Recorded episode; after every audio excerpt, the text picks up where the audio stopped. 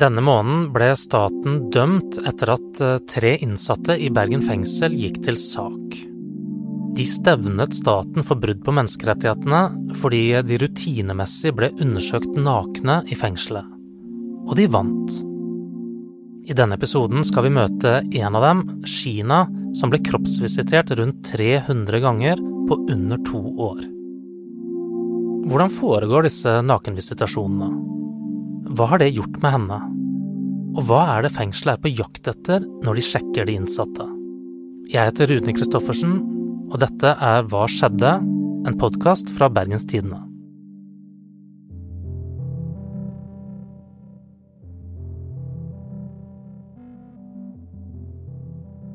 Jeg heter Kina Sanden, og jeg er nettopp blitt 37 år. Jeg bor eh, ute i Knarvik. Jeg har tre nydelige barn, som er 10, 14 og 17. Og jeg elsker dyr, og ja, jeg er kokkelærling. Jeg elsker å lage mat og skal bli kokk. Og det er òg en utdannelse som jeg tok i Bergen fengsel. Hva er det du liker best å lage, da? Jeg liker best å lage multikulturell mat.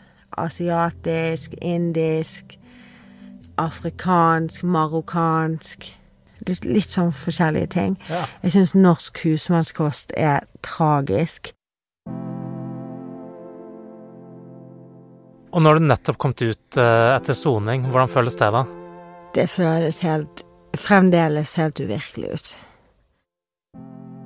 Jeg var veldig, veldig glad, og jeg tror jeg sa kanskje en time til henne bare 'Jeg er fri! Jeg er fri!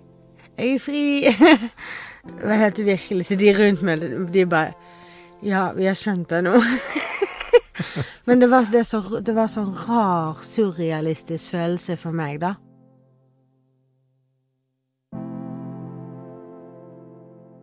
Sheena vil ikke snakke om hva hun er dømt for, men hun er åpen om at hun har sonet en dom på seks år. Årene i fengsel ble preget av at betjentene stadig var på jakt etter ting som ikke er lov å ha med inn eller ut av et fengsel. Det dreier seg først og fremst om narkotika, men også våpen og farlige gjenstander. Det å sitte i fengsel, det er utrolig tøft. Det gjør noe med deg. For det, å gå i fengsel, du er totalt frihetsberøvet. Du har ikke kontroll på, på deg sjøl, på dine ting. Ikke kroppen din engang. Sant? De skal vite alt. De, de, de går inn på cellen din daglig og sjekker alle, går gjennom tingene dine, og de invaderer alt, da. Dette med de nakenvisitasjonene, da. Ja. Hvor mye preget det hverdagen din i fengselet, vil du si? Det preget hverdagen min i fengsel hver dag. Det var så galt at jeg gruet meg til besøk med min egen familie og mine egne barn. Fremstillinger Ja, man blir jo med, men det er for å komme seg ut. Men det er en bismak med det, sant. For selv om du går på fremstillinger med to betjenter, så må du fremdeles narkovisiteres før og etter. Så det er ikke Altså, det er en nedverdigende følelse. Altså, da blir du ført inn på et rom. De har to rom. Ett er lite, med en stol, og så en sånn rull med papir. Og så har du ett som er litt større, og så er det speil på veggen. Så går du inn der, og så står det to betjenter der. Så står den ene og følger med på deg, for de skal følge med på alt. Så kler du av deg klærne og gir det til dem. Eller ligger det på stolen, så går de gjennom det. Så må du gå ned i hockey, løfte pupper, opp med armene. Du må snu deg og løfte opp begge fotsålene. Og så åpner de munnhulen. Noen ganger eh, har de vært i håret. Kjent gjennom fletten eller i håret. Så det er sånn, og, og med mannfolk òg, så er det sånn at de må løfte opp ballene og de må gå i hockey og hoste, og Så det er ganske nedverdigende behandling, egentlig, altså. Men hva er poenget med dette? Hvorfor gjør de det? Fengselet sier jo det at de gjør det for sikkerhet. Men samtidig så viser jo tallene det at det er minimalt med funn. Og det står jo òg i lovverket det at eh, det skal ikke rutinemessig nakenvisiteres. Av dere tre da som gikk til eh, sak, så er jo du den som ble visitert flest ganger. Du kunne bli visitert opptil fire ganger per dag. Ja, jeg ble det. Ble det en slags vane for deg etter hvert, da, eller? Det blir jo det. Dessverre. Uansett hvor ubehagelig det er, så vet du det at du slipper skjønn. Jeg har jo prøvd å diskutere med dem mange ganger, spesielt i starten. Og da, da blir de sur, og så sier de ja, men sånn er det bare, det vet du. så jeg, jeg, hadde dager jeg var, ble visitert opp til både fire og seks ganger, faktisk. For de siste månedene før avdeling det åpnet, så var jeg med ut og vaske.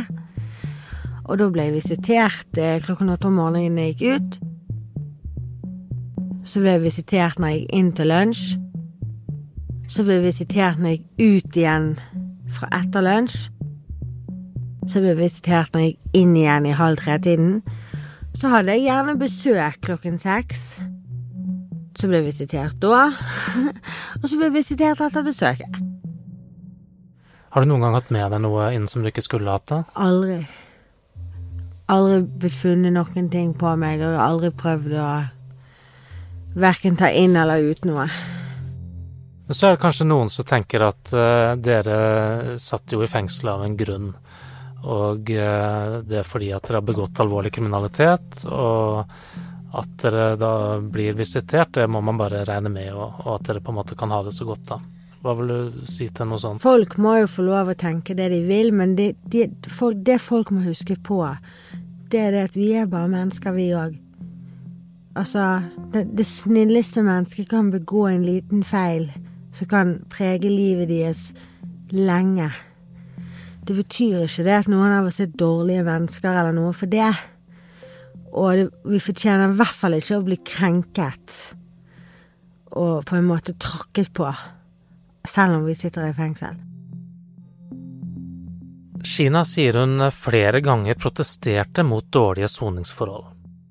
Hun prøvde å få med seg andre innsatte for å gå til sak, men de fleste var redde for å ta kampen, forteller hun. Men til slutt så fikk hun med seg to andre innsatte på et søksmål mot staten. Så, og inne i fengsel så har ikke du digitale muligheter. Du kan ikke bare finne en data og ordne deg.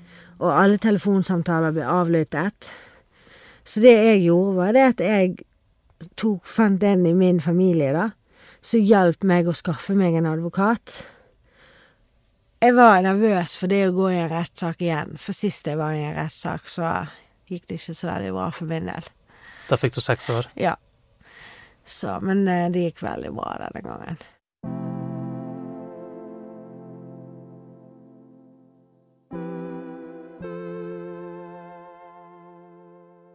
Så mener jo staten da at uh, i og med at det veldig sjelden blir funnet noe ulovlig, så viser det at, at dette systemet det fungerer etter hensikten, fordi at da tør ikke folk å ta med noe inn. Er ikke det egentlig et uh, godt poeng? Både og. Jeg skjønner jo det at de ikke vil ha ting inn, og at man tenker det at ja, men vi blir rutinemessig visitert uansett. Men samtidig så er det det at eh, hvis du virkelig vil ha noe inn, så er jo det bare å ta et Kinderegg eller et eller annet og bare få det rett opp i safen, liksom. Og det vil jo ikke komme ut når du går ned i hockey. Sånn, så det er litt sånn motstridende, pluss at ting kommer inn over murene. Og så har du òg det ting kommer inn via ansatte, som de aldri sjekker, og det innrømte de i retten.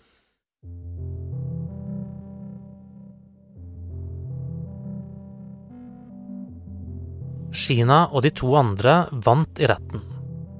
Domstolen slår fast at eh, staten brøt artikkel 3 i Den europeiske menneskerettighetskonvensjon.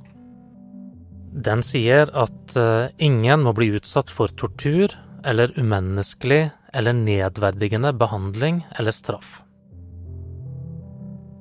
Jeg kjente jeg ble veldig glad og veldig stolt. Eh, og tenkte Men samtidig så visste jeg på en måte at vi kom til å vinne. Du krevde jo 350 000 kroner i erstatning. Ja, advokaten min gjorde det. Men så fikk du ikke det fordi eh, dommeren mener at eh, når det har skjedd brudd på menneskerettighetskonvensjonen, så gir ikke det krav på erstatning etter norsk rett. Hva er det som gjør at du har bestemt deg for å anke akkurat den biten der? Det er prinsippsak. Dette er ikke greit, og det holder ikke å bare si ja, ok, da. Vi har begått et menneskerettighetsbrudd. Beklager. Hva betyr det for deg, da, å få den seieren? Det betyr alt. Og jeg håper jo òg at det betyr at eh, hele det systemet går dypere inn i greiene sitt, da. Og klarer å gjøre en forandring som kan gjøre livet lettere for andre som må inn og sone.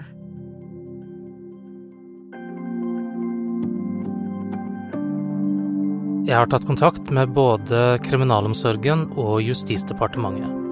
Ingen av dem vil kommentere noen av uttalelsene til Kina fordi det ennå ikke er bestemt om dommen blir anket. Denne episoden av Hva skjedde? er laget av Anna Offstad og meg, Rune Christoffersen.